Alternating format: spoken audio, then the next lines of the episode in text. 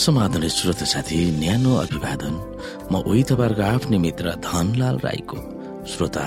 आज म तपाईँको बीचमा बाइबल सन्देश लिएर आएको छु। आजको बाइबल सन्देशको शीर्षक रहेको छ धैर्यता र सहनशीलताको परमेश्वर।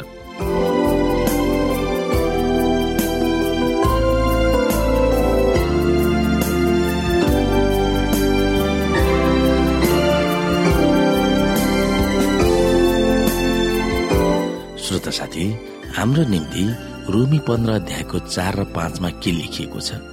हामी हेर्न सक्छौ। अघि अघि लेखिएका कुराहरू हाम्रो शिक्षाको निम्ति लेखिएका थिए। यस उद्देश्यले कि पवित्र शास्त्रबाट आउने स्थिरता र उत्साहद्वारा हामी आशा प्राप्त गर्न सकौं। स्थिरता र उत्साहका परमेश्वरले तिमीहरूलाई ख्रिस यसुसँग एक भएर एक अर्कासँग एक चित्तका भई जिउन देऊन्। हामीले चाहेको वा हामीलाई वचन दिएको थोकलाई पाउन हामी आतुरी हुन्छौँ। यो मानव प्राणीको साधारण स्वभाव हो। अनि हामीले चाहेको कुरा पाएपछि मात्र हामी सन्तुष्ट हुन्छौँ। यो सबै प्राणीको स्वभाव हो। तर हामीले अपेक्षा गरेका वा हामीलाई वचन दिएका कुरा पाउँदैनौँ।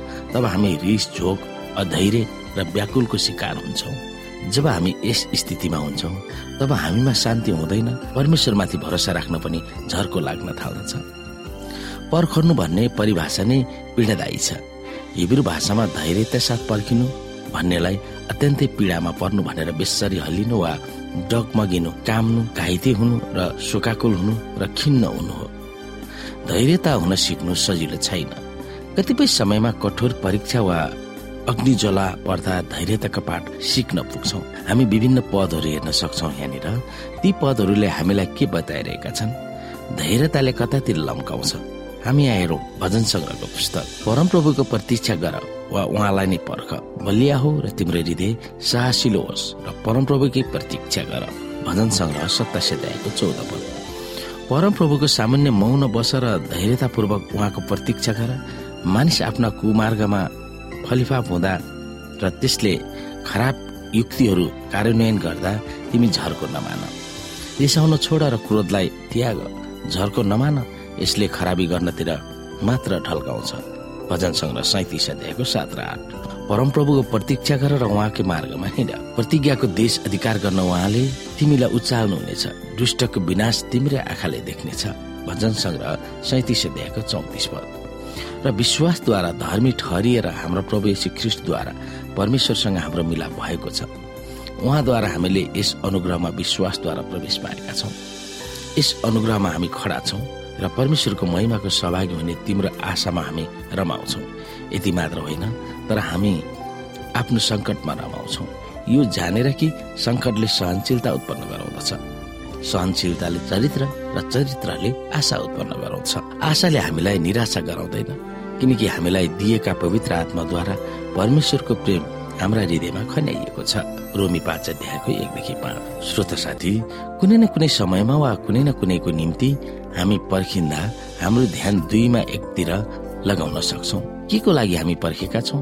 त्यसको निम्ति छटपटिएर पर्खिन सक्छौ वा हामी प्रभुमा नै दृष्टि राखेर अघि बढ्न सक्दछौ।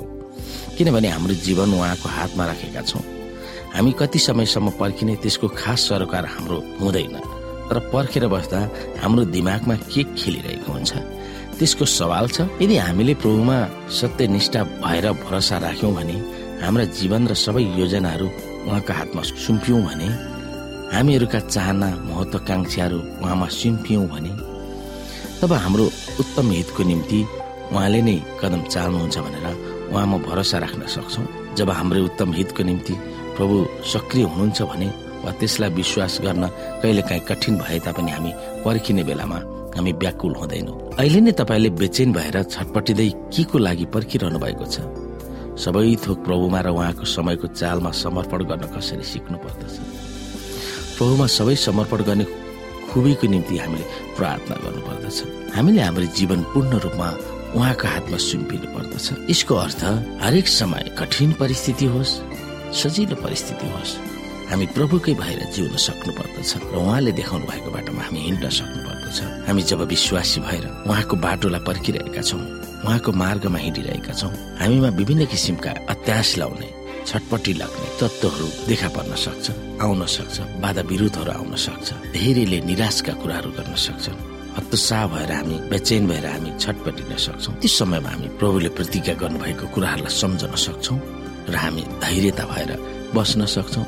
अथवा हामी उहाँलाई प्रार्थना गर्न सक्छौँ र पर्खिन सक्दछौँ। यिनै कुरामा हामीले हाम्रो चित्तलाई लगाउनु पर्दछ।